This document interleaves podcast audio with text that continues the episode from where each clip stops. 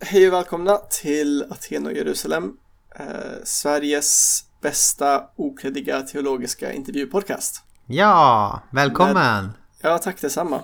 Ja. Eller du kanske sa till lyssnare. Ja, men du, du kan också känna dig välkommen. Ja, tack, tack. Eh, Alla är välkomna i Aten och Jerusalem. Du som pratar heter ju Viktor Alfons. Det stämmer. Och du heter Anton Jonsson. Precis, det stämmer. Det stämmer så. Mm, Så är det. Och det är gott att det får vara så. Precis. Eh, hur är det med dig? Ja, men det är helt okej. Det är lite mer plugg och lite tuffare plugg nu, men jag hänger i. Mm. Eh, också tuffare i och med att det är så mörkt, men Mm. jag ska dra till eh, Malta snart så det blir skönt. Känner du att livet är en tåredal som du vadar dig igenom? Uh, nej, mer en dödsskuggasdal. Ja, just det. Uh, hur är det själv? Det lät ju mindre positivt. Men det, det passar bättre. Det är mer mörker där och mindre tårar. Mm. Hur är det med dig? Jo, tack, det är bra. Ja, det är, det är fint, fint, fint. Skönt. jobbat eh, långt pass här på förskolan så kanske typ 10 10-11 timmar eller något sånt där. Oj, oj. Fick du Ja. två raster då? då? Ja, jag fick faktiskt det. Men jag slog upp det till en rast. Så en Ja, timme. En skönt. timmes rast. Eh, Jag spenderade mest av min del av min rast med att eh, sova. Ja, det, det är skönt när det- man är på en förskola som man kan göra det. Ett barn på förskolan eh, har sagt det att eh, den har uppfattat att vi går på raster då. Mm. Eh, då har vi, vi frågat eh, barnet vad gör man på en rast egentligen? Mm. Och då har den sagt att eh, man sover och äter godis. det är en väldigt eh, träffsäker karaktäristik av vad man gör på. Ja, Dricker kaffe. ja Eh, är det enda som saknas där. precis. Ja, så allt är väl. Allt är väl, vad skönt. Vem är det vi pratar med den här gången? Vi pratar med Gunilla Gunnar heter hon. Ja, precis. Jag tror att det är lektor vid Södertörns högskola. Det låter Har ju doktorerat då eh, på en avhandling om Nelly Hall. Ja, Vem är Nelly Hall? Nelly Hall eh, var en, en eh, predikant, kvinnlig predikant. Mm. Eh, mot, I andra halvan av 1800-talet i Sverige. Den mest kända kvinnliga Mm. predikanten då. Och ledare och var involverad i Helgelseförbundet mycket och så också i början. Japp. Så det, hon ska vi prata om. En sån här förmoder. Precis, En förelöpare verkligen. till dagens äh, kvinnliga ja, predikanter, pastorer och sådär. Som är Ledare. verksamma. Mm. Ledare på olika sätt. Det är det. Det är Nelly Hall-dag tillsammans med Gunilla Gunnar. Som vi får njuta av idag.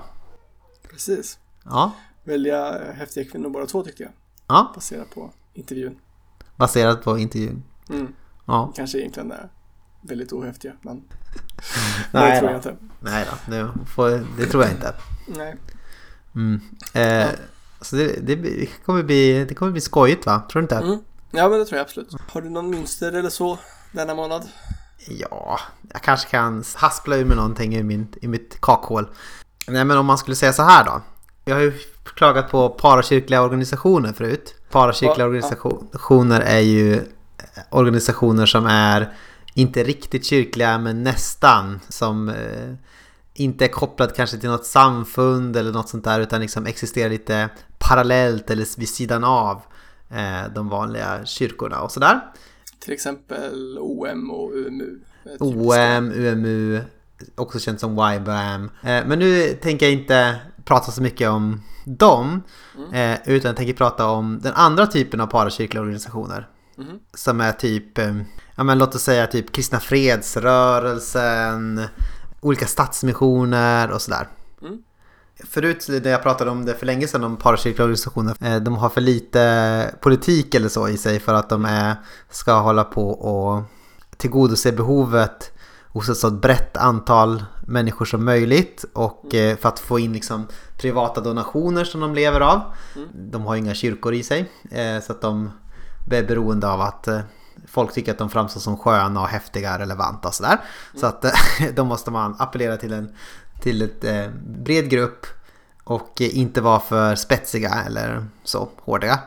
Men samtidigt vara liksom hålla på med evangelisation som de konservativa eller vad man ska säga evangelikala kristna tycker om och kanske ha en, en hyfsat uppbyggd sexualmoral eller något sånt där. Eh, men nu ska vi prata om andra typen då som är mera, vad ska vi säga, ska vi kanske kalla den här då mera politiskt involverad eller mera Aktivistisk. mer aktivistiskt, mer, mera inriktad på strukturförändringar och sådär. Mm. Kristna Freds, kanske Christian Peacemakers Team och så vidare. Olika stadsmissioner och sådär. Och det jag tänkte säga här då. Det är att jag tänker att det finns eh, här riskerar man väldigt snabbt att eh, avkonfessionaliseras eller att tappa bort sin identitet som en kristen rörelse. Mm, mm. Alltså att man väldigt snabbt eh, tenderar att avteologiseras i rasande takt. Mm. Och det här skulle jag också vilja härleda till faktum att man är parakyrklig organisation. Alltså att man inte man står inte ansvariga inför några församlingar eller någon rörelse eller sådär. Utan man är liksom ah, hela tiden, man flyter utanpå eh, allt det där. Man försöker appellera lite till kristna men eh, man är framförallt liksom, man flyter ovanpå utanpå alla konfessioner och sådär. Nu är jag en organisation och nu ska jag hålla på att förändra världen. Mm. Då anställer jag massor med människor som är bra på sitt område mm. framförallt. Och jag kanske inte är så noga med, eh, med någon trosbekännelse eller sådär utan det viktiga är att jag bara att jag får massor med bra lobbyister, policymakers, bla bla bla bla mm. och så vidare. Och det problemet med det, det är att det är väldigt snabbt att den interna logiken i det skrået äter upp allting annat liksom. Mm. Där finns redan utarbetad idé i det skrået om hur man ska arbeta, om vad som är rätt saker att kämpa för, om vad som är och hur man gör det, hur, vad man kallar saker. Kanske i vissa ställen så är det liksom helt rätt att man säger, inte vet jag, om man är i en viss aktivistisk krets så säger man kanske Israel är en apartheidstat eller något sånt där. Och, så, och sen så uppfattar man inte liksom att ja, men det kanske är mer problematiskt om ett så här kristet sammanhang eh, säger en sån sak mm än om, inte vet jag, sossarna säger det eller något sånt där. Mm, mm. Eftersom vi har en längre och mer komplicerad historia med, eh, med det judiska folket än vad eh, sossarna kanske har. Mm, ja, lite sådana saker. Och att man överlag Alltså att allt det här det kristna teologiska språket eller tankegodset det äts väldigt snabbt upp av den här professionella klassens språk och deras bedömning av vad som är, vill, eh, är bra, viktigt, hur man ska arbeta. Mm. Så därför tänker jag att Alltså där är återigen en, en bash av det här parakyrkligheten. Mm. Att man behöver egentligen ha mycket mera, man behöver vara kopplad till församlingar. Eh, mm. Att man hela tiden behöver ha liksom faktiska konkreta trosgemenskaper som man relaterar till mm. och som man är ansvarig för och som man ska liksom presentera sig för, som man ska göra sig begriplig för. Mm.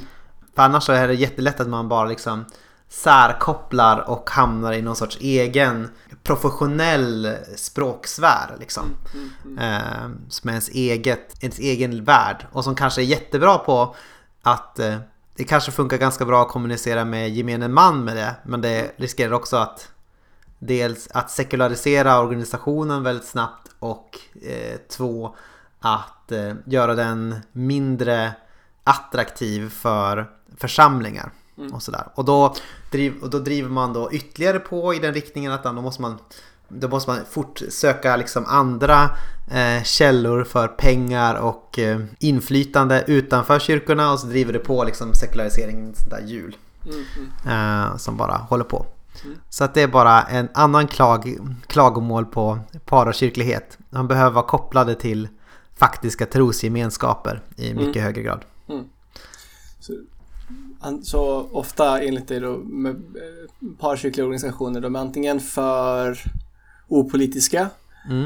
eh, eller för politiska och för oteologiska. Liksom. Eller ja, man, är för, man har ingen teologisk politik utan man har bara en politik kanske mm. man kan säga. Mer, mer sekulär politik helt enkelt. Som, ja. Ja, ja nej, men uh, intressant. Jag, mm. jag ser verkligen dina, dina argument. Om... Visst lät jag arg? Lät jag tillräckligt uppretad här för att det ska vara en mönster? uh, du brukar låta ganska lugn och sansad även i dina värsta mm. minstrar. Ja, okej, okay, vad bra. uh, men jag, jag, tror dina argument talar för, för dina, dina känslor mer än ditt tonfall. Ja, just det. ja, men om du eh, kritiserar parakyrklig professionalism eh, så kanske jag vill kritisera lite kyrklig professionalism. Ja, vad kul. Eh, nej, men man kan ju diskutera lite vad gudstjänster är till för um, och vem de är till för. Alltså såklart Gud då. Mm. Um, eller ja, jag tycker det såklart i alla fall. Uh, men om de kanske ska vara mer riktade mot mm, redan troende människor, de som redan är med i församlingen. Uh, eller om de ska vara mer riktade till och, och mer fokus ska gå mot uh, människor som inte är med i församlingen än, men som mm. man kanske skulle vilja uh, få mig. Locka över. Mm. Ja, men lite så. Och ja, det är ju väldigt svårt och, och man kan alltså det är väl ett spektrum och, och, det bästa är ju att ha med både och såklart. Det här är inget nytt, jag tror de flesta pastorer vet om det här, men en risk med att ha pastorer generellt, men kanske framförallt pastorer som predikar, mm. Uh, och endast pastorer som predikar är att man ofta inte umgås så mycket med icke-troende människor. Och att man då tappar dels kanske språk, uh, att, man, att man talar på ett visst sätt med, med ord som antingen betyder något annat eller inte betyder någonting alls för gemene man. Men mm. också kanske tappa förståelse för den erfarenheten. Man mm. pratar om hur underbar Jesus är som har gjort att man mår så bra. Mm. Och sen så sitter det folk där som inte om man kan relatera till det så är det ju härligt att bli påminn om det och ja men Gud är trofast för att han har varit god förut. Men om ingen har erfarit det eller upplever att de har erfarit det förut så kan mm. ju det snarare förarga eller putta bort, äh, tänker jag. Och det, det, är, en jättesvår balans och jag, alltså senast i tisdag så sa jag att vi människor är hemska men Gud är god. Mm. Um, så, så det beror ju också lite på kontext och jag tänker det kanske lite annorlunda på en första adventsgudstjänst och en eh, kristen studentgrupp. Men, men ja, det är ändå viktigt att, att tänka på. Jag skulle uppmana fler, alla kristna, men kanske framförallt professionella kristna som talar, att umgås med mer, fler sekulära människor. Vi hade en, en pastor som vi hade en gång som hela tiden gjorde så lite sketcher liksom lite grann uppifrån uppifrån estraden. Så, eller det var inte som sketcher, det var att han illustrerade saker så att han pratade med två olika röster och liksom vände sig åt två olika håll så här. Så att han började typ med att säga så här. Vi brukade ofta skämta om de här grejerna. Mm. För då var det en sak som han gjorde att han ofta sa typ så här. Men tänk om du då kommer till ditt jobb och så sen så säger du, jag är kristen. Och så sen så och så säger din eh, arbetskompis Ja, ah, jag tycker att eh, eh, Gud verkar dum i huvudet och sådär. Och så vänder Ja, men tänk så här. Gud är god. Han har gett sig sin, din enda son, sin enda son till dig. Och så, och så enkelt kan det vara. jag tycker, eller det var ju liksom en parodi på det, men eh, alltså att det fanns, eh, jag tycker att det, det är gullig så här, naivitet hur det är på en arbetsplats. liksom.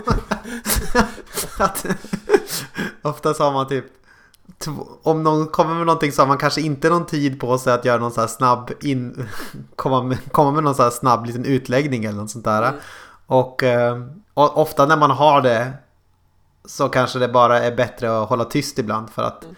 det är inte liksom eh, det är en väldigt fin balansgång mellan att veta när man ska tala och när man ska tiga liksom. Mm, verkligen. Här, Mentala ett... silver och tiga är guld. Ja. ja. nej, nej, men verkligen. Men det, det, är viktigt att fundera på och utveckla sig. Ha. Ja. Vill du dyka in i det här avsnittet då, eller vad tycker du? Uh, låt oss dyka. Mm. Adjö. Adjö.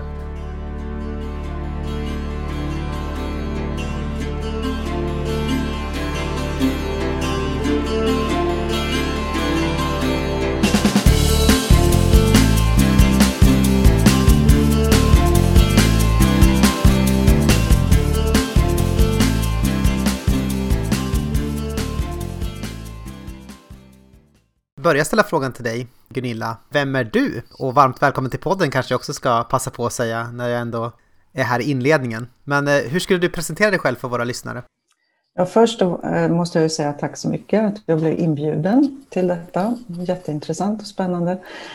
Ja, vem är jag? Jag eh, har, jag kan säga så här, jag har ägnat mitt liv, större delen av mitt liv åt att fundera och studera kring eh, kyrka och samfund historiskt och i Sverige idag framför allt. Och eh, jag har läst teologi en gång i världen, det känns som väldigt länge sedan. Eh, både i Uppsala och Lund. Och sen efter det så påbörjade jag en forskarutbildning som jag lämnade och blev så småningom lärare i historia och religionsvetenskap. Sen har jag, sen har jag då jobbat med lärarutbildning, framförallt inte så mycket i ungdomsskolan utan med vuxenutbildning på folkhögskola och på universitetet. Eh, och som lärarutbildare då eh, undervisat blivande lärare i hur man kan undervisa om religion i svenska skolsystemet. Då. Eh, och parallellt med, med det där då, med, med själva liksom undervisningsdelen, så har jag forskat. Och det jag framförallt tänkte då inledningsvis att forska om, det var någonting som rörde hela världen utanför Sveriges gränser faktiskt. Så småningom så blev jag mer och mer på 1980-talet engagerad i frågor som rörde kvinnors situation i framförallt frikyrkorna eftersom jag själv har en frikyrklig bakgrund. Eh, och vi var en grupp kvinnor som började att fundera, men varför ser det ut som det gör? Vad gör våra mödrar och Eh, hur vill vi ha det framåt? Och de flesta av oss hade läst teologi och vi visste inte riktigt hur vi då skulle använda det framåt. Vi vill, alla ville inte bli pastorer och så, vad skulle man göra då? Och det där födde en slags kvinnorörelsekamp eh, så vi ställde en massa frågor och, och, och, gjorde program i olika frikyrkor och kristna sammanhang. Och samtidigt så började vi också fundera på, ja, men hur var det i början då? Hur var det liksom i baptistsamfund och missionsförbund och andra frikyrkor på 1800-talet? Och det, det, var det som jag sen, när jag väl kom tillbaka och skulle forska och skriva en avhandling, då tänkte jag, nej men nu måste jag ju nu måste jag ta reda på hur det var på 1800-talet. Och det var egentligen övergripande så enkelt att jag bara tänkte så här, vad gjorde kvinnorna i väckelsen på 1800-talet? För att jag tyckte jag visste ingenting, eller vi visste väldigt lite. Och, ehm, och inte så många andra heller. Så det är väl ungefär så. så att jag, sen när jag har forskat då, så har jag forskat om sådana frågor men också en del annat på senare år. Men eh, jag vet inte om det är en bra sammanfattning, men jag har, jag har väl ägnat mig mest i livet yrkesmässigt åt forskning och undervisning. Om jag får bara gripa tag på en detaljfråga här då. Vad var det som fick dig att börja läsa teologi fr från början? För jag tyckte du antydde ändå att det kanske inte var att du direkt kände att du skulle jobba som pastor eller sådär. Nej, jag... Eh jag tror att det blev en... Jag, jag, hade helt, egentligen helt andra planer från början jag var ung, så att säga. Eh, mm. att jag, jag, jag, tror det, det jag egentligen tänkte jag skulle bli var läkare och så skulle jag bli läkarmissionär. Just det. Ja, för det var liksom det finaste man kunde bli. Det var så fint som man knappast vågade uttala det. Men sen lyckades jag inte så bra i de ämnena på, på gymnasiet så att det blev inte det blev inte det, den banan och av olika skäl så blev det inte en del andra saker heller. Jag jobbade för sig ett år som, som fritidsledare i en församling. Eh, men sen hade jag vänner och andra runt omkring mig som läste teologi faktiskt, även kvinnor då. Och då tänkte jag, ja men jag kanske kan, kanske kan prova det. Och jag tror, och då, så att det var inte en sånt här, um, det var ett medvetet val naturligtvis när jag sökte det, men, men det var inte att jag tänkte att det, det, var det som skulle bli min framtid. Men när jag väl började med de studierna då på universitetet, så, och, och det var ju, på den tiden var det tre och ett halvt år, så var det ändå en väldigt bra sätt, ett bra sätt att bearbeta det som, som jag hade växt upp i alltså församlingslivet och kyrkan och alla predikningar man hade hört. Allt, hela den liksom värld, världen och världsbilden på något sätt fick man gå mm. igenom då på ett, tyckte jag, väldigt eh, eh, befriande sätt, så ska jag säga.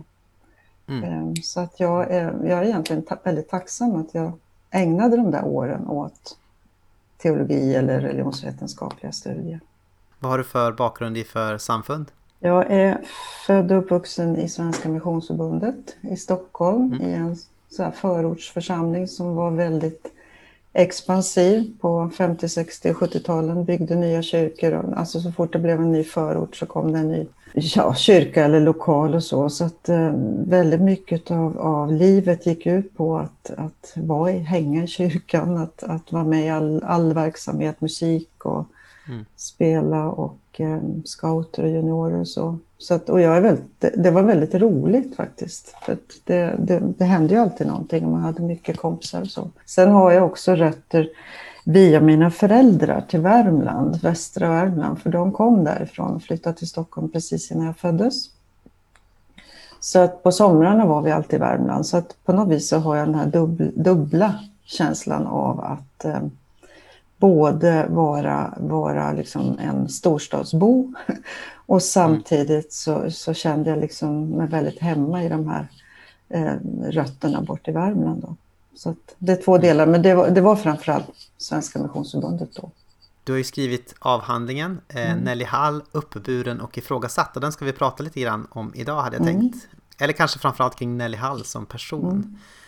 Kanske det första som man måste ställa är ju då vem var Nelly Hall? Om du skulle ge en beskrivning, en kort beskrivning av vem var hon? Vad skulle du ta med för delar då? Ja, först skulle jag säga att, men det är ju beroende på min egen forskning då, så skulle jag säga att hon var en av de mest kända eh, kvinnliga predikanterna på 1800-talet, alltså senare delen av 1800-talet i Sverige. Och så hade hon en, en gedigen utbildning. Hon var lärarutbildad på högre lärarinneseminariet i Stockholm som var liksom den finaste eller högsta utbildningen kvinnor kunde få när hon hade den. Och, eh, men på, någonstans då på vägen efter att hon hade eh, arbetat som lärare, hon var i 30-årsåldern, så bestämde hon sig för att hon skulle lämna det här lärari, lärariet och istället ägna sig åt predikan på heltid. Mm. Det är den korta versionen. Ja, men det är en väldigt bra, bra beskrivning. Mm. Och vi kommer upp, eh, komma fånga in fler delar. Men vad var det som, som fick dig att börja intressera dig för, för Nelly Hall? Vad var det i hennes person som fångade dig? Jag tror att det, det, det, var inte personen till att börja med, för jag visste inte om henne så att säga när jag började. Utan när jag skulle skriva en avhandling till, sli, till slut i ett ämne som heter missionsvetenskap, men som en del av kyrkohistoria eller kristendomens historia, då var jag intresserad av att ta reda på mer om vad kvinnor gjorde i väckelsen på 1800-talet. Eh, och då hade jag, eh, då hade jag liksom någon idé om att jag skulle gärna vilja använda mig utav fall, som man säger, eller case. Alltså, jag ville beskriva eh, människor eller, eh, åt det mer biografiska hållet, därför att det är så jag tänker själv. Jag har lättare att tänka när jag tänker kring människor och kring livsöden och försöka fånga in då liksom omgivningen i en människa på det sättet. Än att jag skulle sätta mig till exempelvis och räkna hur många kvinnor det var i mm. alla möjliga olika sammanhang. Alltså det finns ju så många olika vägar att gå. Och då, då, då landade jag i att jag skulle Ja, men jag skulle skriva om, för, för jag hittade, jag ska säga det, det var ganska intressant, jag hittade, jag hittade Nelly Hall i en annan avhandling som var skriven om, om väckelsen i Karlskoga. Och den, den avhandlingen läste jag och den, den var ganska klassiskt eh, liksom, uppbyggd med, med, eh, det stod om industrin eller utvecklingen i Karlskoga och liksom framväxten av det moderna samhället och så. Och sen då hur väckelsen eller missionsförsamlingen och så vidare bildades där. Och så fanns det en sida i den avhandlingen. Och på den sidan så var Nelly Hall liksom beskriven, väldigt kortfattat, mm. när hon var född och var mm. hon kom ifrån och vad hon gjorde och så vidare. Och jag hade aldrig hört talas om henne. Och då mm. blev jag så här, nej men det här måste jag ta reda på. Så då hade jag, och då förstod jag, hon, var, hon predikade. Och då tänkte jag, okej, okay, då har jag en predi, då, kvinnor predikade. Okej, okay, då kan vi ta det. Och sen var jag väldigt intresserad av mission. Så då hade jag från början också valt en kvinnlig missionär från Missionsförbundet som också var från, alltså hon var från Karlskoga och hade ett väldigt speciellt och väldigt, ja, som många hade sådana livsöden. Så då tänkte jag, men då kunde jag visa på att kvinnor hade de, de predikade och de blev missionärer i väckelsen. Så. Det var liksom två om man säger, karriärvägar för kvinnor. Så jag höll på med de två ganska länge och försökte, försökte liksom få till det där på något sätt. Och det var väldigt, det var väldigt mycket, jag grävde väldigt mycket kring, kring eh, källmaterial. Och för, för att man ska kunna skriva något måste man ju ha något att bygga det på. Mm. Men till slut fick jag släppa. Hon heter Anna den här missionären och enbart ägna mig åt Nelly. Och eh, hon tog liksom över. Avhandlingen blev om henne. Mm. Eh, så att om du frågar mig vad som, vad som, vad, vad som liksom drog eller attraherade eller vad man ska säga när det gäller Nelly så var det ju framförallt det här att det var så nytt.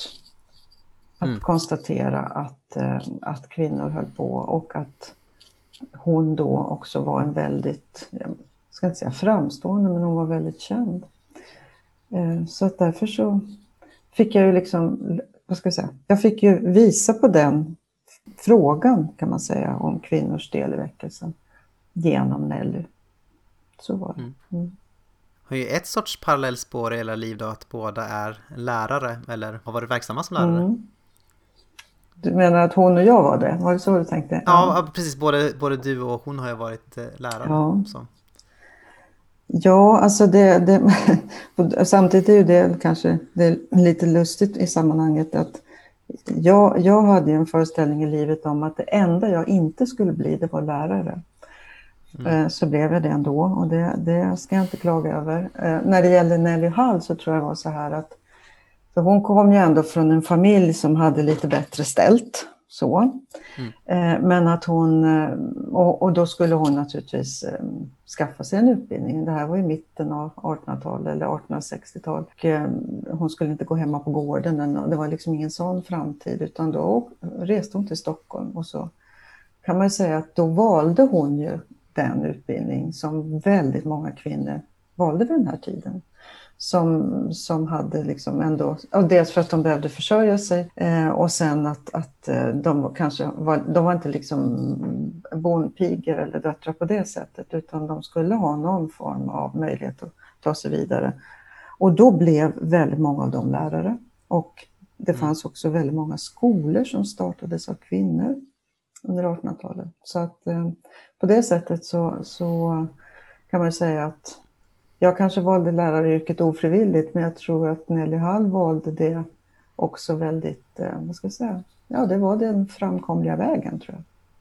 Nästan också lite, ja inte ofrivilligt men inte så, ja det fanns inte så många valmöjligheter helt enkelt, som sagt. Nej, jag vet inte. Universiteten var inte öppna än för, för, hennes, för henne då. Det kom ju senare efter att hon hade utbildat sig.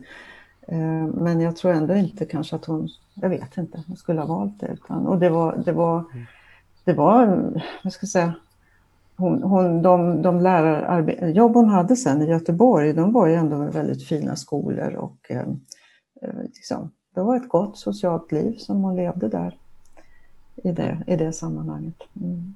Så hon fick ju en, en kallelse att bli predikant helt enkelt och kuskade land och rike runt, mm. drog fulla hus mm. när hon predikade mm. och när hon bad för människors helanden. Hur skulle du beskriva, hur såg ett sånt här typiskt möte ut? Alltså, hur var ett Nelly Hall-möte?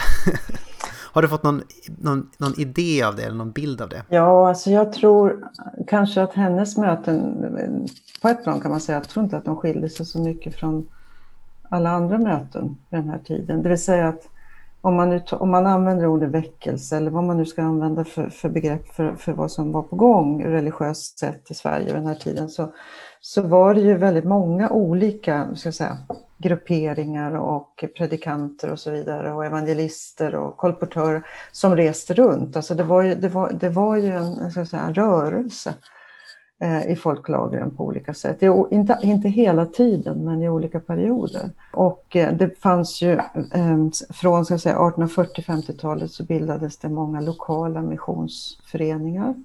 Och de bygg, så småningom byggde de sina egna lokaler och så vidare. Så det fanns på något vis en, ehm, det fanns ju liksom en publik, alltså det fanns ju någonstans att ta vägen om man var intresserad av att hålla möten. Och det tror jag man måste komma ihåg. Alltså för att det, när Nelly Hall började med sin mötesverksamhet då reste hon ju på någon form av fria kallelse, man så säger, till ja, olika mm, platser, framförallt i södra Sverige. Hon åkte till Jönköping, hon var i Eksjö, hon var på olika ställen i Småland och så, hon var i Malmö och så vidare.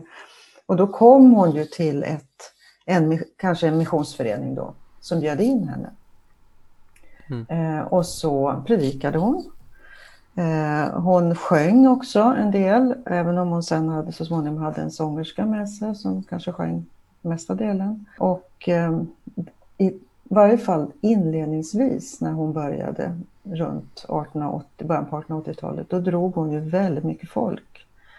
Eh, och det kan man nog också tänka att, att det var det, det, var liksom det här med att det kom resande predikanter och predikade och så, det var inte folknöje kanske, men det, det var så att, att man, folk kom och lyssnade. Men sen när det kom en kvinna då som predikade och som var lite känd och så, så drog det mm. ännu mer publik säkert. Det, det, finns ju exempel på där folk ja, men de fick stå på gatan, de kom inte in och så vidare. Och så vidare.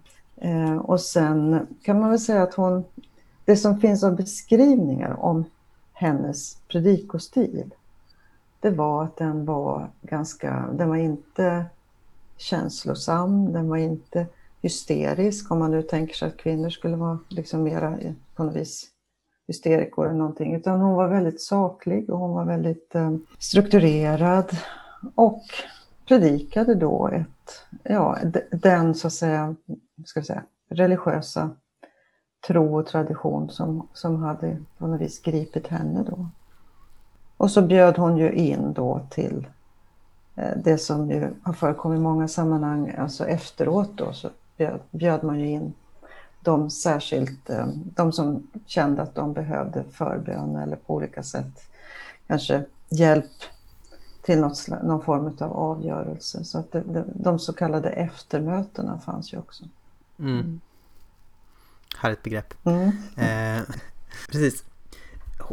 Hon, har ju, hon var ju också eh, känd i sin samtid som det med ålderdomligt begrepp kallas för helbrägdagörare. Mm någon som bad för att människor skulle bli friska från sjukdomar. Mm. Eh, och i, i, i, vilken grad skulle du säga blev folk friska från sina sjukdomar? Eller är det någonting som man, är det någonting som man kan se så här långt efteråt? Eller få ha någon uppfattning om? Ja, alltså det, alltså det där med, med, med hälsa och sjukdom och i vad mån man blir frisk har väl lite grann att göra med vad det är som är liksom orsaken till den här sjukdomen kan jag tänka mig. Eh, men, men det är helt klart att det var många som kom till, ehm, till och fick förbön och så, som sen efteråt sa, sa då att nu mådde de bättre eller de kände sig helade eller helbrägdagjorda och så vidare. Mm. Eh, men, och det finns ju, alltså Nelly Hall var ju inte, det, det var ju rätt många som höll på med det här under 1880-90-talen i, i Sverige och på andra håll också. Och man kan säga att hon var ju både med, med svenska förebilder men också liksom utländska kan man säga. Från USA så fanns det ju sådana teologer eller predikanter som hade skrivit böcker om hälsa och så vidare som hon då inspirerades av och som liksom på något vis ingick i hennes förståelse av kristen tro eh, och vad kristen tro kunde leda till. Eh, så att hon mm. själv tror jag måste ha varit väldigt övertygad om detta. Sen samarbetade hon ju med en man som heter Boltius som var från Skåre mm. i Värmland. Bolsjus som vi... Bolsjus, säger ni Bolsjus? ja. Nej, Bolsjus tror jag att man uttalar det på i Värmland eller något sånt där. Har jag, har jag fått för Ja, men det är bra. Men jag har alltid sagt Boltius. Men de... Ja, det är ja, korrektare Ja, det vet formen. jag inte. Det vet jag inte. Men, men han, var ju, han var ju väldigt liksom känd och eh, utövade ju det här både då hemma i sitt hem men också var han ju, hade praktiker både i Stockholm och i Gävle till exempel. Eh, och mm. det finns, jag har själv inte sett det, men det lär ju finnas på Karlstad museum eh, en, en laddning eller en anhopning av till exempel alla kryckor som folk lämnade efter sig när de hade varit på besök hos honom och sen slängde sina kryckor och gick därifrån. Eh, så på något sätt så, så, så blev ju människor botade från sina krämpor, vad det nu än var. Och Ja, det, alltså det som är svårt är ju att säga om det har skett eller inte när man inte själv har varit med och undersökt. Men om man läser vad, vad, det som finns i kring så ser man ju att människor ändå på något sätt blev påverkade. Sen, sen var det också så att eh, Nelly Hall var ju med och skulle öppna flera sådana här så kallade hälsohem kan man säga i Sverige. Mm. Eh, och det var efter förebild bland annat från England, för där fanns det sådana eh, hälsohem. Och det intressanta med dem var ju då att eh, det ingick ju i det här liksom, konceptet med bön för sjuka och att man skulle kunna bli frisk. Men det var också tanken att, man, att människor skulle komma till de här hemmen och så skulle de vara där ett tag och så skulle de naturligtvis eh, vara med om, om bön och möten på olika sätt men samtidigt också vila och ta mm. igen sig och så vidare. Så det, var, det, det är det jag menar, det här med det, här, det, det är lite flytande mellan hälsobegreppet som vi tänker oss ibland och det direkta botandet av en viss sjukdom så att säga. Eh, det var liksom en sammanblandning mellan det här, mellan typ ett väckelsemöte och en kurort ja, kan man då det är det. Ja, och kurorter till exempel, det var väldigt populärt under 1800-talet och bland annat så flera av de här amerikanska väckelse eller predikanterna som kom på besök i Sverige, de passade ju på att ta in på en kurort på vägen så att säga mm. för att vila upp sig. Så jag tycker det är inte så, det är inte så konstigt, det är inte så märkligt och jag, jag tänker väl mer att för min egen del så har jag inte behövt ta ställning till om det verkligen hände att människor blev botade eller inte. Utan snarare beskriva liksom kontexten och säga att ja, det skedde någonting. Och eh, omsorg om människor, att man, man, eh, man får förbön, att man blir liksom på det sättet kan ju lindra sånt i varje fall som man mår dåligt utav. Eh, och eh, man, kan, man kan jämföra med många andra kanske sätt att försöka bota sjukdomar vid den här tiden. Det här var en, ett sätt att göra det på. Men det var ju lite ifrågasatt naturligtvis av en del och bland annat då att, att Nelly Hall samarbetade med Bolsjus. Så. Och det finns några exempel också på där, där det skrivs i tidningarna där man då eh, talar om att ja, det, ba, det bara ledde fel eller det, folk blev hysteriska eller var någon kvinna Alltså förstår du, så att man liksom visar på att nej men det där, det där är bara båg. Det där fungerar. Mm. Men uppenbarligen fungerar det för många. Precis, hälsa är ju någonting som är... Ja, nej, precis. Mm, det, mm. vi kan, eh, det är en komplex fråga såklart ja, det är det. Eh, med, det med hälsa. Ja. Man kan också säga att Nelly Hall hade en väldigt optimistisk syn på vad Guds nåd kan uträtta i en människas liv. Mm. Vi har ju dels det här att kroppslig sjukdom mm. kunde bli frisk eller bli botad. Men också att Gud kunde liksom befria människans eh, natur från synd eller göra människan nästan, ja du kallar det till och med syndfri liksom. Eh, och, och, du säger att det här var ett, ett budskap också som var kanske särskilt eh, emancipatoriskt eller frigörande för kvinnor. Mm. Och hur kommer, det sig att, hur kommer det sig att det här var liksom ett budskap som verkligen slog an eh, hos kvinnor? Eh, alltså just den här eh, syndfrihetsläran, den, den, går faktiskt under den benämningen, alltså den, ska vi säga, trosriktningen då som hävdade den. Och eh, den fanns i lite olika versioner. Den, den, man ska säga först att den kritiserades i sin samtid ibland därför att man, man var rädd för att om, om människor omfattade den och tänkte att om de hade överlämnat sig till Gud och, och liksom på det sättet och, och, och, och blev fri, helt fria från sin synd, då kunde de göra vad som helst, för det spelar ingen roll, för de, de hade ingen synd, alltså man kunde gå för långt. Mm, mm. Så det fanns ju en viss kritik mot syndfrihetsläran. Men, men det här med, men om man bo, då börjar fundera på vad innebär det där, vad är liksom hela tanken på synden genom liksom kyrkans historia? Då, och det har jag inte kommit på helt själv, utan det har jag faktiskt hämtat från en, en, en kanadensisk forskare som har skrivit en del om det där just när det gäller syndfrihetsläran att, och, och då kopplingen till kvinnor, det som du frågar om. Därför att om man, om man tittar på kyrkans historia bakåt genom hela, hela historien så har ju synden på ett alldeles specifikt sätt förknippats med kvinnan i och med syndafallet eh, och Evas liksom, del i det då. Och det här finns det ju hur många predikningar och bevis som, som helst genom kyrkans historia. Där, där, när man då ska förklara liksom syndafallet och hela det här, liksom, hur det här hänger ihop, så är det liksom kvinnan som ändå på något sätt står där som ansvarig. Mannen är också det, men det är ändå tack vare kvinnan eller på grund av kvinnan som synden på det sättet eh, kommit i världen. Eller man kan säga så här, kvinnan tillskrivs detta ansvar för synden. Och om man då mm. har den tanken också som kvinna då och tänker att ja, man är liksom speciell där eller man har ett ansvar och sen så, så finns det då en, en teologisk tanke som säger att men man kan faktiskt bli helt fri från synden. Mm. Eh, då kan man ju börja ställa frågor, ja, vad betyder det då i en människas liv eller en kvinnas liv att tänka så? Att man inte är behäftad liksom med någon tyngd av synd, eh, utan att, att man faktiskt kan bli befriad från det. Mm. mm. Så, så tror jag man ska tänka, det emancipatoriska.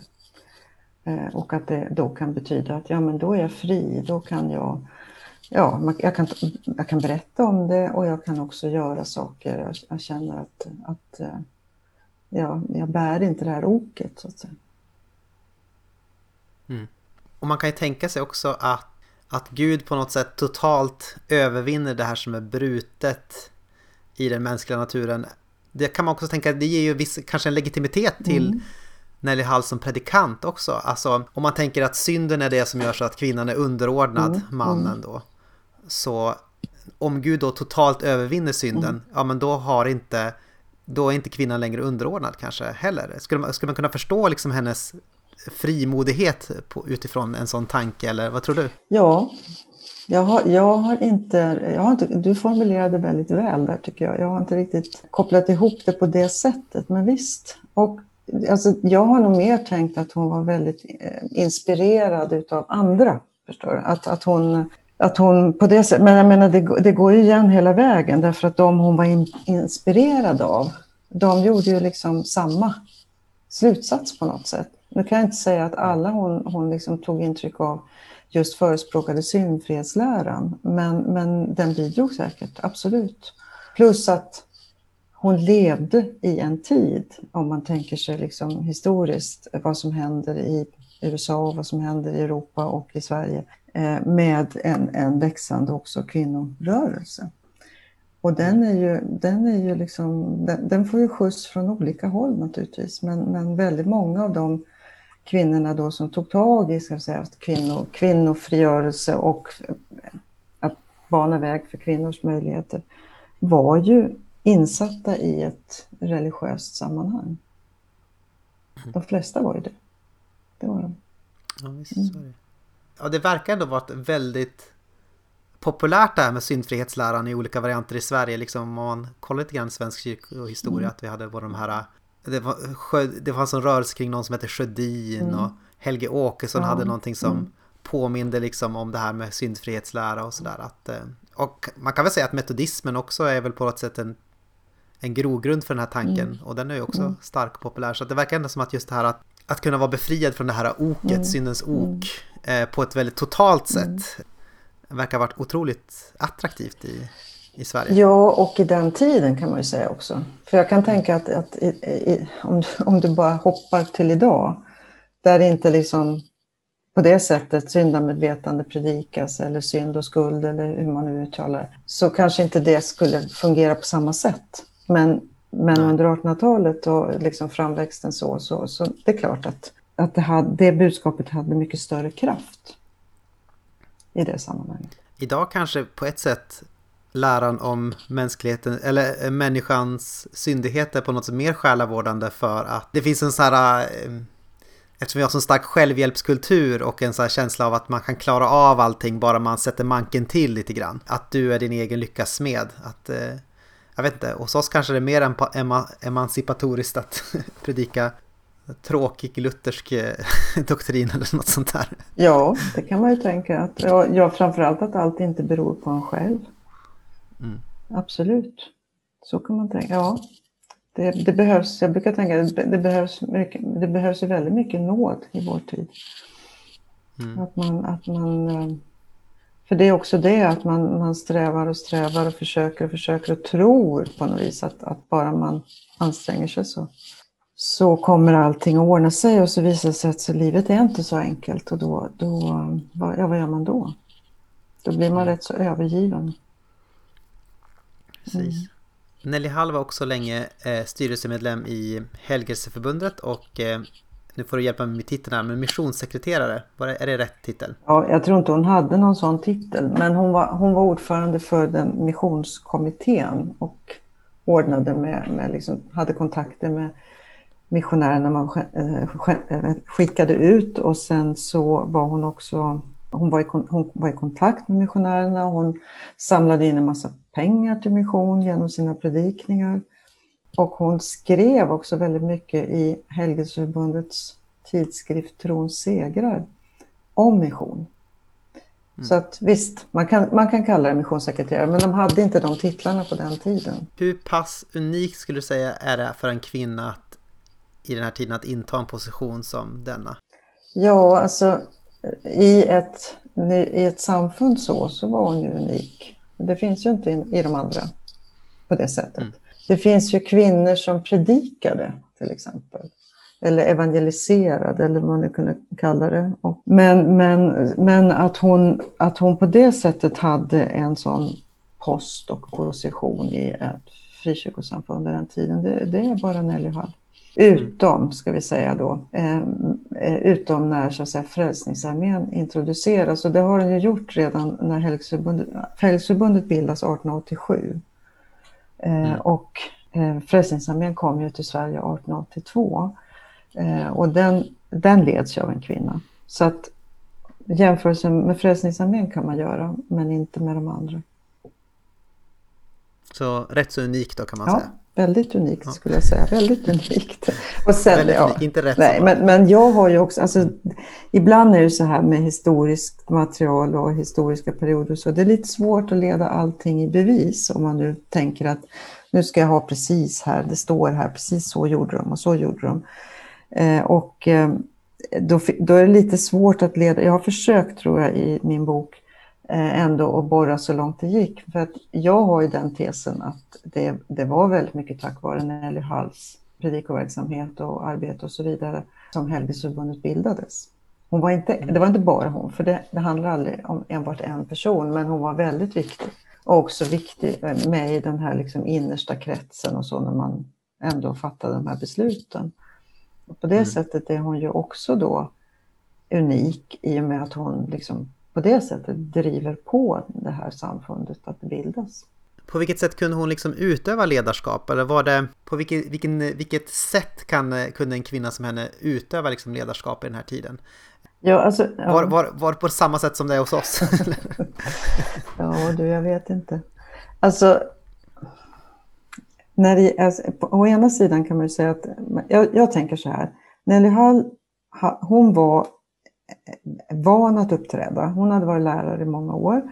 Eh, hon, hon var väldigt välutbildad, för hon hade en väldigt eh, gedigen utbildning och hon undervisade i olika ämnen, både språk och hon, hon undervisade väldigt mycket till exempelvis i kristendomens historia och bibliska historier och så vidare. Så, så att hon, hon, på det sättet hade hon väldigt mycket på fötter. Jag tror att hon var väldigt på det, eh, på det sättet självmedveten. Att hon, henne satte man sig inte på. Hon, hon kröp mm. inte fram någonstans. Och sen när hon då tog det här steget att lämna läreriet och bli predikant, för det är väldigt tydligt att hon gör en sån, ja, hon, hon, ger, hon, hon kliver liksom över skranket, eller på säga, till nästa uppgift. Då har hon ju redan varit, då har hon ju blivit inspirerad på olika håll och så reser hon till England och så besöker hon Frälsningsarmén och så ser hon hur de arbetar. Och där kan man ju säga att kvinnor var i ledande ställning. Jag menar Catherine Booth tillsammans med sin man bildade Frälsningsarmén. Så att det fanns, återigen, det fanns liksom andra kvinnor som hon kunde se. Eh, och sen när hon kommer tillbaka, ja då är hennes huvuduppgift, att, alltså hon är tillbaka i Sverige, att predika. Och så, så på det sättet är hon ju, lika väl som många andra välkända predikanter vid den här tiden, de, de blir ett slags ledargestalter i de här olika väckelserörelserna. Eh, och speciellt kan jag tänka innan man formerar sig, innan man liksom bildar ett samfund. Så, så är det ju väldigt många av de här som, som framträder och talar och har människor som lyssnar på sig och så. De är ju liksom ledande personer. Sen mm. får vi en fas då som, där man bildar Missionsförbundet, man bildar Helgsförbundet och man bildar Fribaptisterna. Och, ja, du vet, så här, man bildar de här samfunden. Och då kommer man in i en annan typ av fas eller verksamhet där det är nästan genomgående, då, utom för Frälsningsarmén och Helgsförbundet, så är det ju män som intar alla de ledande positionerna. Mm. Och då, då är ju, men, men, men fortfarande då i Helgsförbundet, där, där är Nelly Hall med i 20 år. Eller ja, 15 mm. år innan hon lämnade. Och det är ju en, en spännande fråga i sig. Mm. Eh, hon eh, lämnade styrelsen eller bröt med styrelsen och flyttade 1901 för att bosätta sig i USA. Och det verkar som att frågor om apokalyptik den sista tiden har varit bidragande till den här brytningen. Vad var det som, vad var, det som var kontroversiellt med, med Nelly Hall på det här området? Ja, det mest kontroversiella var väl att hon i efterhand framför allt anklagades för att vara så kallad russelian. Alltså det vi idag kallar Jehovas vittnen. Mm. För, för, för Russell då, som han hette, som, som företrädde den specifika grenen av apokalyptik. Han, han gav namn åt den där rörelsen ända fram till 1930-talet. De kallades för russelianer. Och det här var ju då Alltså dels kan man säga att apokalyptiken, eller vad som skulle hända liksom, vid de yttersta tiderna, Jesus skulle komma tillbaka och så vidare. Det var ju eh, tankar som var väldigt i svang om man säger så, i slutet av 1800-talet. Mm. Och både i USA och i Sverige. Eller på andra håll. Alltså det här, och det var, man kan säga att det fanns olika naturligtvis versioner och varianter på detta. Både att man, om man tänkte att eh, om så, vad som skulle hända innan Jesus kom tillbaka eller vad som skulle hända efter Jesus kom tillbaka. Så det fanns alla de här olika. Eh, och man kan säga också att för många var det som att eftersom samhällsutvecklingen var väldigt, om, inte omstörtande, men det hände väldigt mycket. Ibland säger man att ja, industrialiseringen växer fram och moderniteten och det är mycket som förändras och så vidare. Och järnvägarna byggs. Det, det, det händer saker hela tiden och många reagerar på detta som ett slags tecken på att nu, nu snart så är det slut. För att man, det, är liksom, det finns en rädsla inför förändring naturligtvis, men också för man, och man inte vet vad som komma ska. Så man kan säga att det gav då näring till den, de här teologiska tankarna om de yttersta tiderna. Så det var inte så, det var inte så konstigt att på det sättet att Nelly Hall var intresserad av apokalyptik, för det var väldigt många andra också. Mm. Men sen verkar det ju då av någon anledning så som om hon då enligt sina vänner i samfundet och andra klev liksom i fel tunna om man säger så. Hon, liksom, hon, hon anammade vissa tankar som man, in, som man tyckte var för extrema kan man säga, eller gick för långt. Eller. Russell är ju känd för att han satte sådana här specifika tidsdatum när det skulle upphöra. Men han var inte ensam om det. Det, var, det fanns många innan där på, på 1800-talet, speciellt i USA. Det finns ett antal exempel. Mm. Där skriver du lite roligt där att varje predikant med själv, lite självrespekt eh, spekulerade i datum och tider liksom eller så. Ja, det var faktiskt så. Det tycker jag, det var lite kul faktiskt. Ja. Jo, men det är klart att var, alla vill väl på något vis ha... Ja, om, om man nu är, om man är liksom den fåran, det är klart att man gärna vill vara med och tala om att man vet när det är dags. Så tänker jag. Mm. Men, men alltså det här med Nelly Hall och att hon blev då russelian som man säger. Jag har ju försökt, mm. jag försökte utreda det på något sätt och jag tycker inte att jag lyckades riktigt. För jag tror inte riktigt att det kanske går heller i efterhand. Men, men eh, det man kan se är ju att hennes eftermäle i Helgesförbundet liksom, är ju, är ju så att säga, det är liksom skadat på något sätt. Hon har, det är någonting som har hänt som gör att de inte riktigt vill lyfta fram henne längre. Eller hon, man, liksom, man glömmer inte helt bort henne men det är ändå, det är liksom, hon, hon betraktas som ett tragiskt öde och liksom, man tänker att det skulle gå så och så. Men eh, mm. jag, jag hittade ju en, en text som hon skrev, ungefär sam, som hon publicerade, som publicerade ungefär när hon lämnade Sverige 1901. Och i den texten, om jag nu minns riktigt rätt, så min läsning av den var ju att mm. det hon egentligen, menar jag då, företrädde, det var ju att hon inte kunde tänka sig tanken på eviga straff. Precis. Och jag tänker att på många sätt så, jag är inte så, så, jätteförtjust i den här dispensionalistiska mm. ådran och sådär. Men eh, hon är ändå bland, bland de bättre, tycker mm, jag, mm, som, man, mm. som, som finns i den här genren på något sätt. Alltså hon, har ganska, hon, är ganska, hon är ganska duktig på teologiskt tänkande. Mm.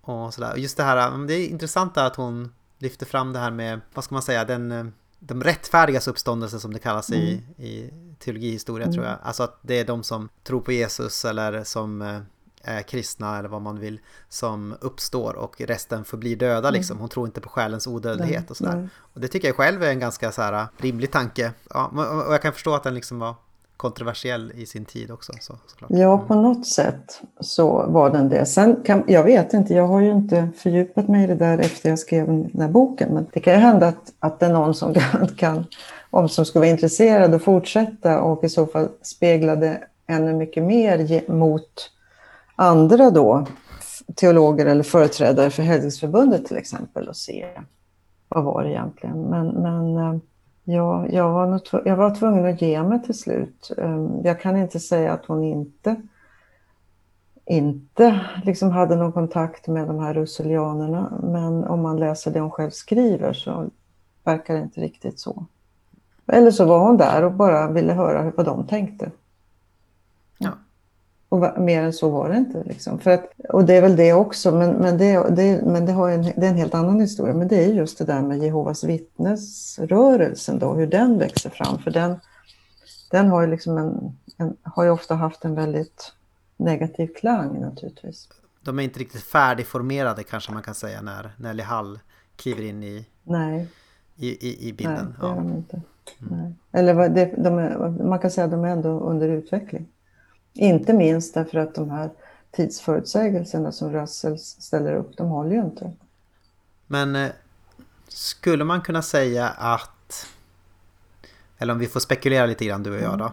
Skulle man kunna säga att det återigen är hennes väldigt positiva bild av Gud som är det som rufsar till fjädrarna i de teologiska fågelbona. Om man då tänker också att syndfrihetsläran också innebär en väldigt positiv bild av vad Guds nåd förmår. Mm.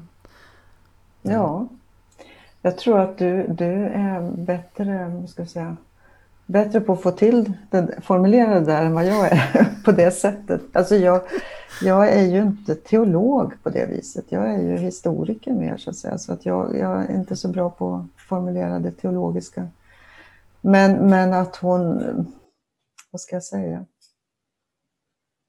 Det, ja, det, ja, hon hade en väldigt, jag tror hon hade en väldig självtillit, det kanske jag redan har sagt, men, men om man då kopplar den till hennes gudstro så mm. var den ju väldigt stark på olika sätt. Men jag tror att när hon samtidigt, jag tror att när hon lämnar Sverige så var hon djupt besviken. Mm. Det kan man se på bara det att hon publicerar en liksom något slags försvar och talar om att hon reser och, och liksom går emot att hon inte alls har predikat på det sättet och så vidare. Bara, bara, att, bara att göra det, man tänker att här reser jag på obestämd tid till USA och så publicerar jag liksom ett statement varför jag, varför mm. jag reser. Man bara, bara den liksom, bilden av, av vad hon gör visar på en, en väldigt, ja, väldigt stark kvinna. Den här boken skrevs ju 2003. Och då undrar jag lite grann, är det någonting nytt som har kommit fram i dina undersökningar om Nelly Hall sen du skrev den här boken som du skulle vilja lyfta fram eller? Eh, jag har, nej, jag kan inte säga att det finns några sådana här ska, godbitar eller att, att man skulle kunna lägga till någonting. För att, dels för att jag kanske inte själv heller har följt upp, jag har gjort andra saker. Men, men det som jag tycker har varit intressant är ju att andra forskare har fått ta vid. Mm. Eh, när Sune Fahlgren skrev om, om predikantskap eh, så var, eh, behövde han ju ha en kvinna med. Alltså det, det rör den här tiden.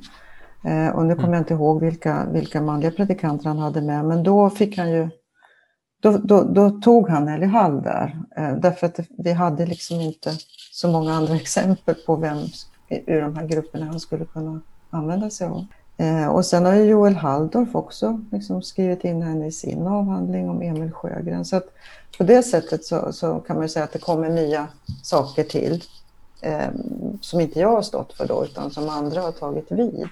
Så.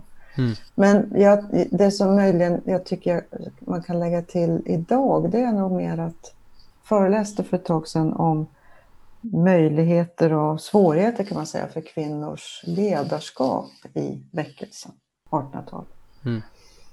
Och då, då, ja, så det var ju liksom ett annat, lite annat perspektiv. Det var inte bara Nelly Hall, men när jag höll på med det så tänkte jag att ja, men alltså då tror jag egentligen att min bild förstärktes av att det fanns liksom ett, ett kvinnligt ledarskap och det bars upp utav, eh, utav bland annat Nelly Hall och det bars upp utav eh, liksom Hanna Octoloni och, och så vidare. Och också naturligtvis av alla de här kvinnorna som på olika sätt då engagerade sig i väckelsen.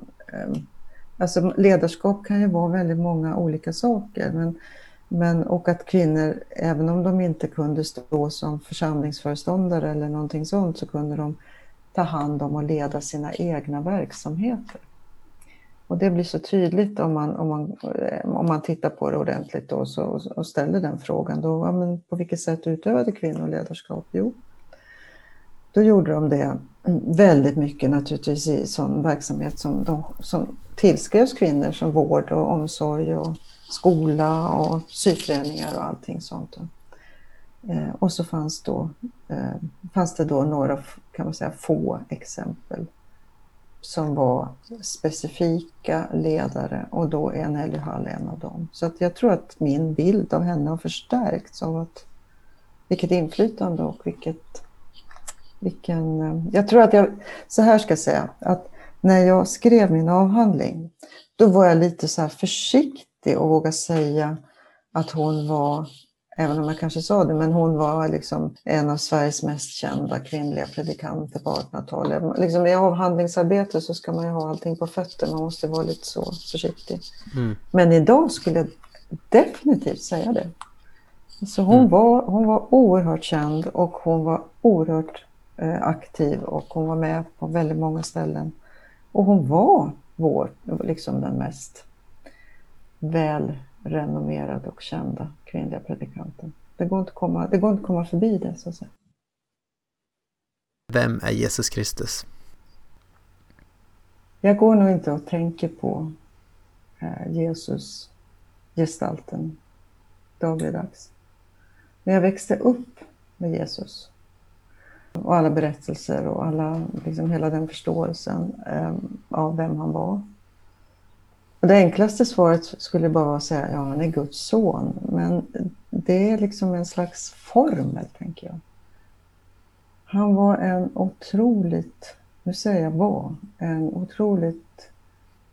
Han var som en människa som hade alla, alla delar i sig. Han kunde vara skör, han kunde vara arg, han kunde han kunde försvara, han, han, eh, ja, han visar ju oss hur vi ska leva. Så skulle jag säga. Och, och att, att den liksom stora berättelsen om Jesus är liksom det som ändå på något vis formar vår, har format så mycket av vår förståelse, tror jag, i, ja, kult, alltså kulturellt och liksom genom historien. Ehm, så det går inte att komma förbi. En som man inte kommer förbi. Mm. Det är nog det, det, det, bästa svaret. Det tog ett tag innan jag kom dit. Det är någon man inte kommer förbi. Mm. Och som man inte heller vill komma förbi. Vem borde vi intervjua härnäst? Det var, så, det var ännu svårare. Ja, alltså jag vet ju inte riktigt vad du brukar intervjua. Det är lite blandat, mm, men mm. Eh, om det hjälper så kan man väl säga att, att vi har haft som beskrivning en podcast i alternativ frikyrklig tappning har vi beskrivit det som någon gång.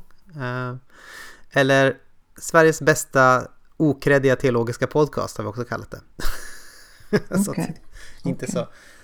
Så det behöver inte vara någon som är kreddig så eller eh, eller någon som eh, det är inte säkert att det är det mest avgörande steget för ens karriär att vara med i den här podden. jo.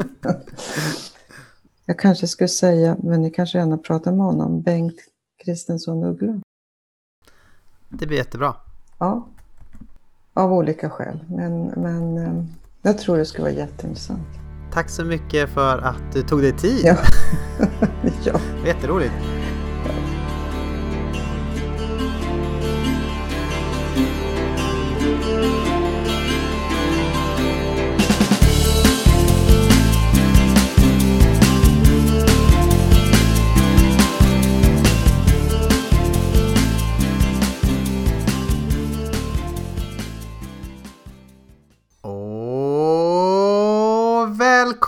Tillbaka!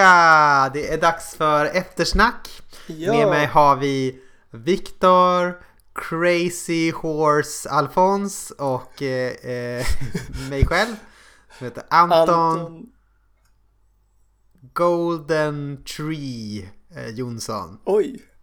Jag, jag fick galenhäst och du fick gyllene träd. jag trodde att ta någonting bra till mig själv. Okej, okay, du får hitta på ditt eget smeknamn. Spontana smeknamn. om jag ska ta, vad ska, om man ska ta, hitta på någonting.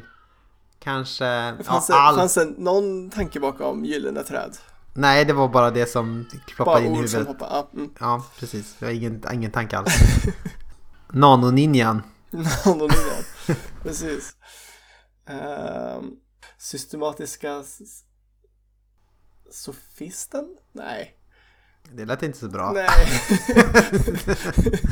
Då tycker jag att Crazy Horse är ett bra smeknamn. Ja, hur som helst. Ja. Varmt välkomna till det här eftersnacket.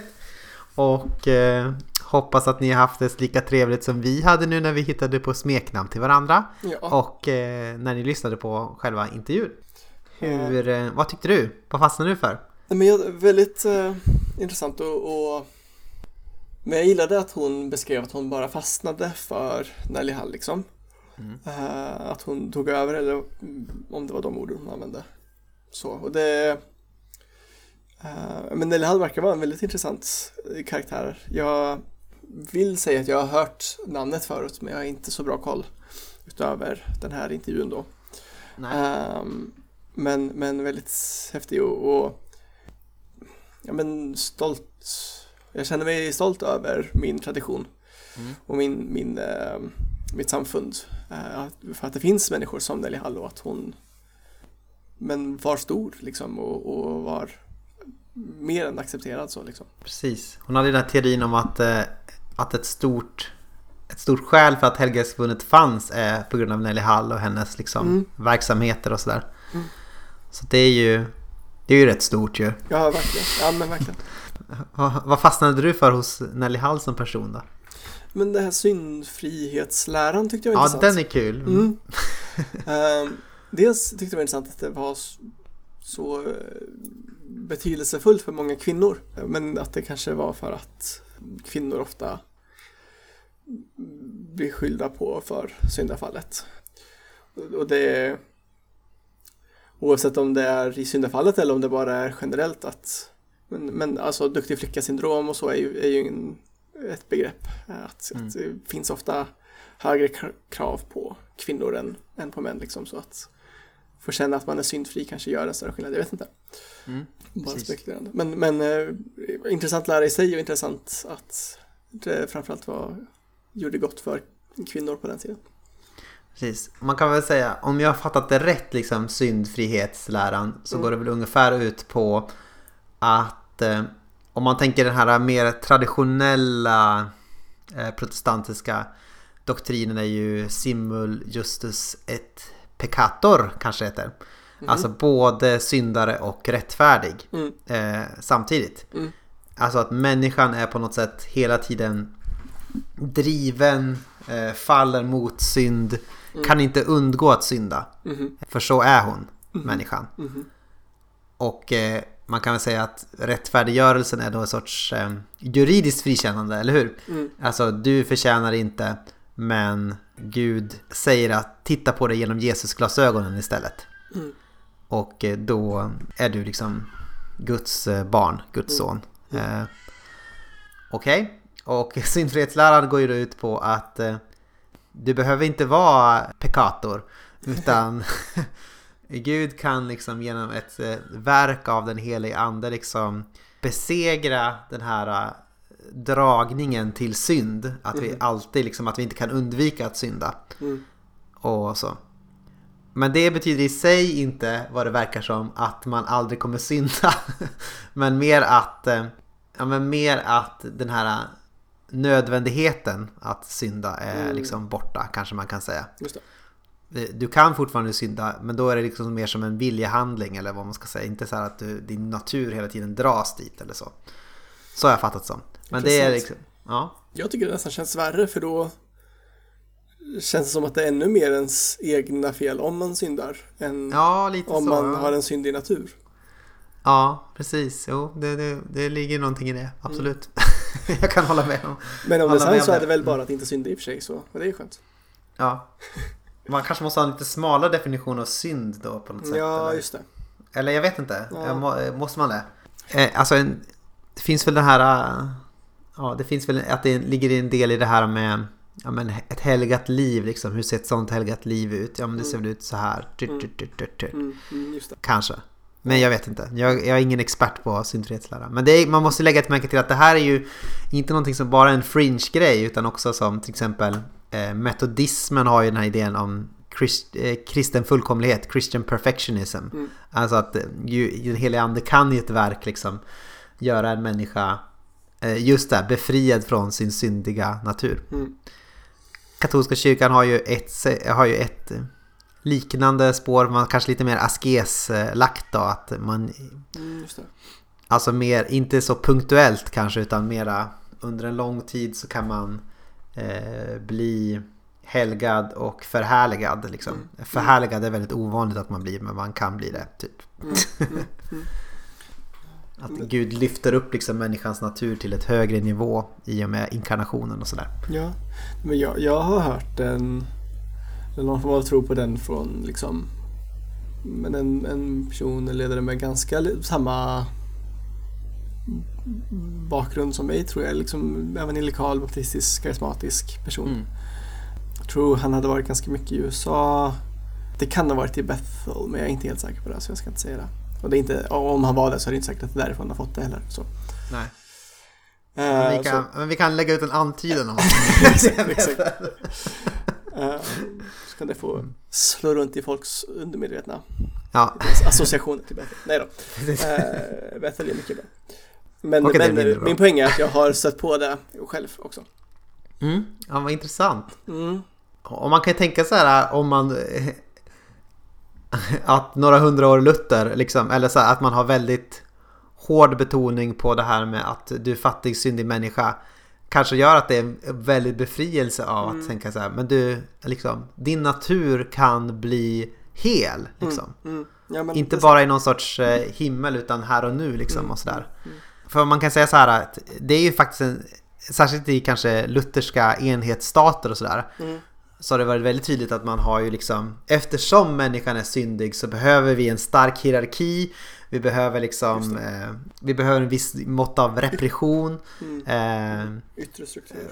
För att liksom hålla nere synden Så att eh, på ett sätt så kan man säga att eh, ja, men en viss maktordning hålls igång genom att man har den här starka betoningen på att människan är så syndig och hemsk liksom och sådär. Och då kan man tänka, ja, men i ett sånt sammanhang är det ju väldigt befrielse att höra det liksom att för då, kan man, för då finns ju också det här att men kvinnor måste underordna sig männen för annars blir det oordning och det blir liksom synden får fritt härjning och sådär. Ja men då kan man säga, då kan man säga så här, ja men det, nu, har ju, nu har ju Gud eh, besegrat den här eh, your move, Mm, lutherska enhetsstat. Mm. Ja, det är Eh, sant. Så då kan man ju vara kvinnlig predikant eller kvinnlig ledare och sådär. Ja. Tänkte jag i alla fall. Det, ja, men det, det bryter många gränser då. Kanske därför um, kommunister inte gillar tanken på mänsklig natur för då kom, blir det ofta strukturer. Mm, just det, det är sant. Mm. Ja, jag inte. Mm. Intressant, bra koppling. Och jag tänker en sak som jag skulle vilja lyfta fram här. Mm. Det är eh, att folk de får ju väldigt mycket sin teologi och sin bashing av andras teologi utifrån memes. Och särskilt memes som kommer från kanske USA och sådär. Mm. Så när man ska göra så här, nu ska jag göra en taskig eh, ägning av frikyrkliga eller något sånt där. Mm. Då drar man upp något sånt där reformärt grej från USA eller något sånt där. och eh, tänker att det här applicerar ju på alla kristna eller, eller alla frikyrkliga liksom och sådär. Eller så. Eller, och det finns också den här bara allmänna ägningen när man ska äga liksom protestanter. Att då säger man liksom att ja, protestanter de har en sån mörk syn på naturen.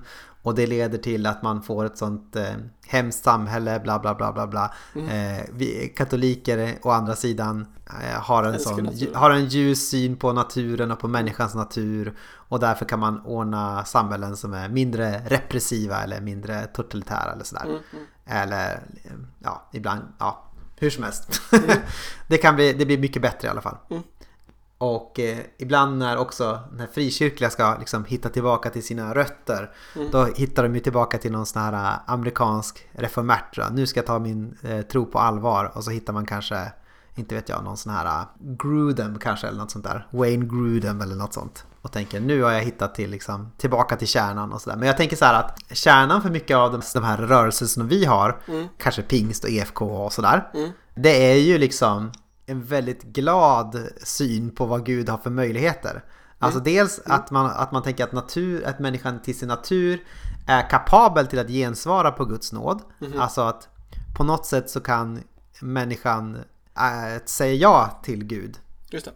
Och när människan säger ja till Gud då liksom kan Gud liksom bara sprätta upp den mänskliga naturen som ett ostron och liksom bara strömma ner konfetti i den liksom.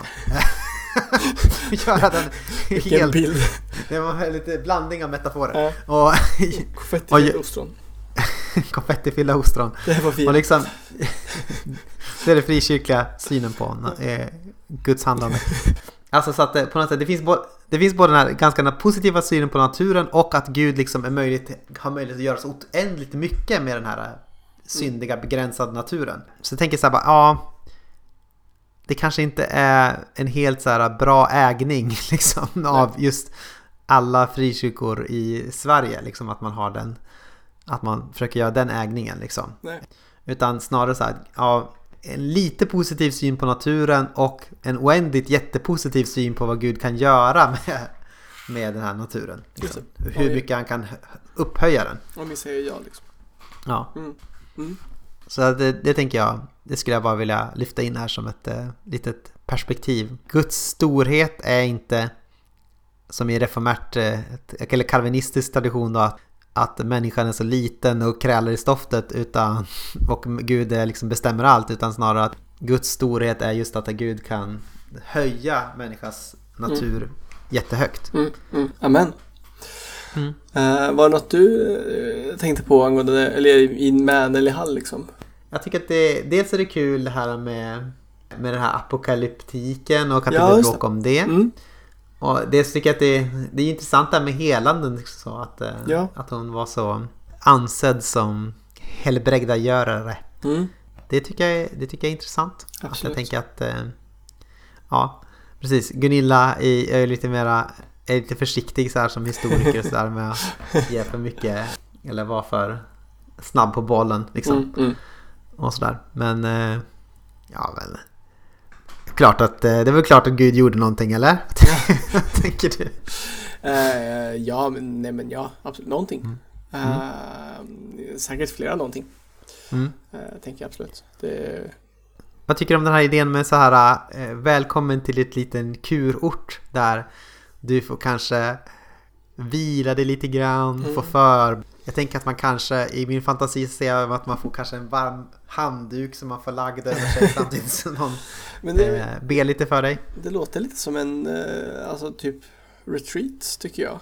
Ja, ja det kanske det gör ja. ja. Um, någon Magnus Malm eller Bjärka Säby eller en mm. sån uh, retreat liksom. Mm. Man får vila och be och mycket och få förböner. Nej, jag vet inte. Mm. Eller, ja, eller ett läger kanske. Uh, det finns likheter där också. Inte så mycket vila på läger kanske. Ja. Nej, uh, nej. men att man får komma undan och bort från vardagen på något sätt och fokusera på Gud. Uh, jag, jag, tycker det låter jättehärligt. Mm. Åker gärna till en kurort någon gång. Precis. Faktiskt. Mys, mysigt. Ja, verkligen. Nyttigt. Ja. Redan, även Jesus stack ju undan till berget och bad. Är lite själv. Ja, precis. Ja, men sen är det väldigt intressant med i, precis det apokalyptiska bråket ja. som gjorde att de fick eh, att de lämnade Sverige till slut och sådär. Ja, ja verkligen. Och HF. Mm. Det är intressant att redan då, eller ja, det har väl alltid varit bråk om apokalyptik mm. i kyrkans historia, men, men eh, med datum och så liksom. Ja, verkligen. Det var ju superpopulärt mm. på den tiden. Mm. Alla förutsåg ja. eh, när Jesus kom tillbaka. 1933, eller jag tror att Jan Ångman, var det att han sa 1933? Har jag för mig. Ja. Han dog ju strax innan. vilken tur han hade. han blev stelt.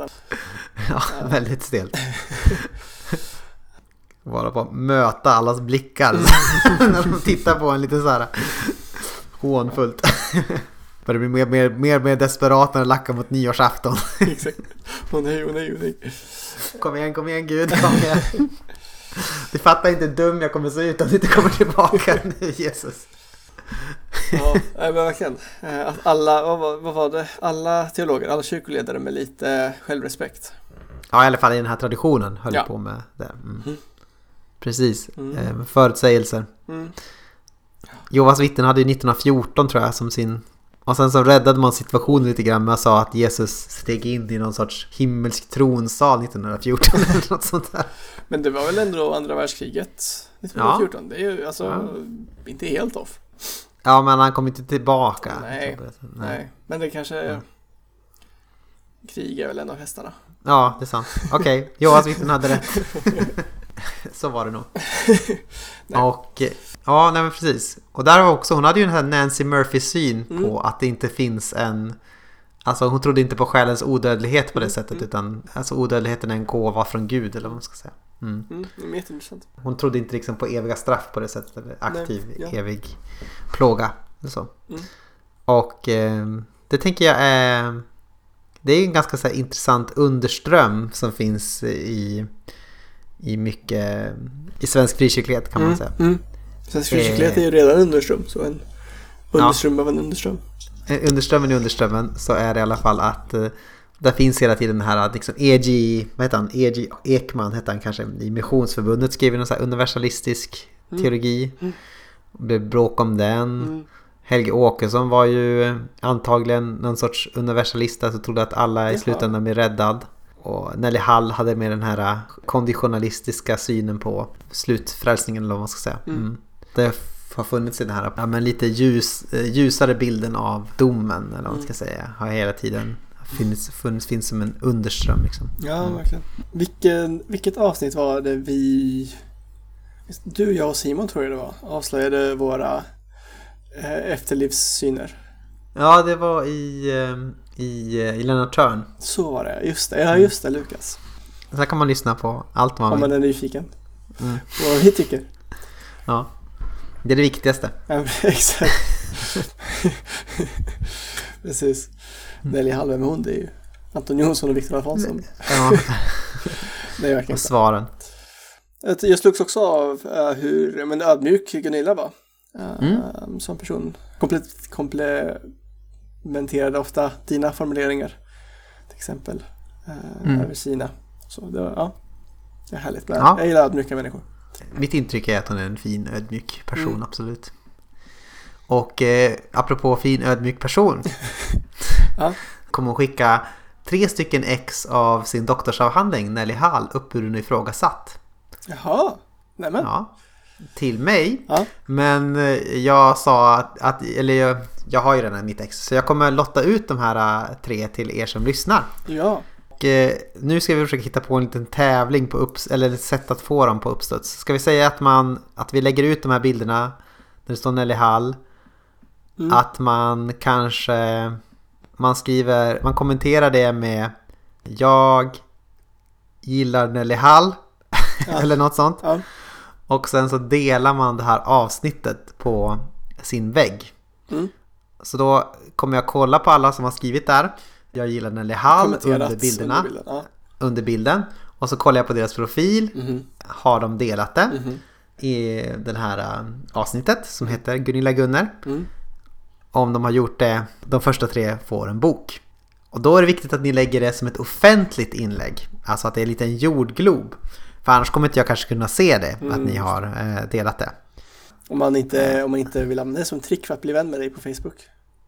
Nej. Men, eh, dela det offentligt. Så Och, att och jag, kommentera. Ja, kommentera under bilden. Jag gillar Nelly Hall. Mm. Dela avsnittet offentligt. Ja, Tror att ni har uppfattat det här nu? jag tror det. Kommentera, Nelly, jag gillar Nelly Hall, dela offentligt på Facebook. Mm. Precis. Toppen. Man får eh, en eh, applåd från oss om man delar på något mer sätt också. Alltså, dela på något mer sätt. Alltså eh, på typ Dela för sina vänner typ. Twitter, I guess. Ja, ja, ja. Instagram inte dela. Ja, Ja, man kan göra det på Instagram Twitter också. story. Det går bra att göra det på Twitter också, Mm. tycker jag. Sen finns vi inte på TikTok och sådär än, men eh, Nej, vet du vad det lackar mot? vad det lackar mot. Vad lackar det mot? Förstår inte ens frågan. Det lackar mot jul. Jaha. Det är enda gången man använder det verbet, lackar mot. Man Lacka skor? Ja, det kan man göra. Men man lackar inte mot skor. Nej, det är sant. Det är sant. Det, är sant. det lackar mot Eh. jul. Ja. Eh, Vad innebär det? Ja, men det finns ju bara en julklapp som du måste ge till alla dina vänner och eh, En mössa. andra fiender. En mössa! En retrohäftig Aten Jerusalem-mössa. Miljövänlig. Eh, köpt på second hand. Ditsydd en liten tygbit där det, står, där det finns vår logga med. Mm. Du köper den, ger bort den till dig själv eller till en vän. Eh, Eller fiende, Kanske en, eller främling. Vi, ja, vi är inte så kräsna. nej. Eh, och eh, då blir det garanterat en god jul. Sant. Man skulle kunna bara ge det till en vän som hatar den här podden som en sorts ironisk, Oh, ironisk gåva också. sant.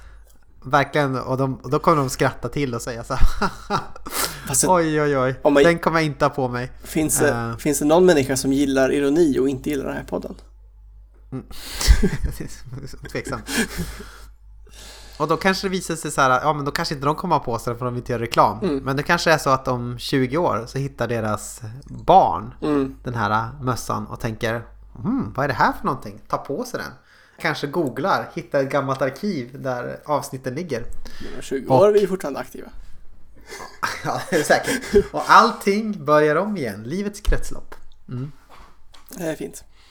Mm. Jag hade på mig eh, min mössa nu i helgen. Jaha, Senaste dagen till och med. Ja, faktiskt. Mm. Det var kul. Jag gillar den. fett.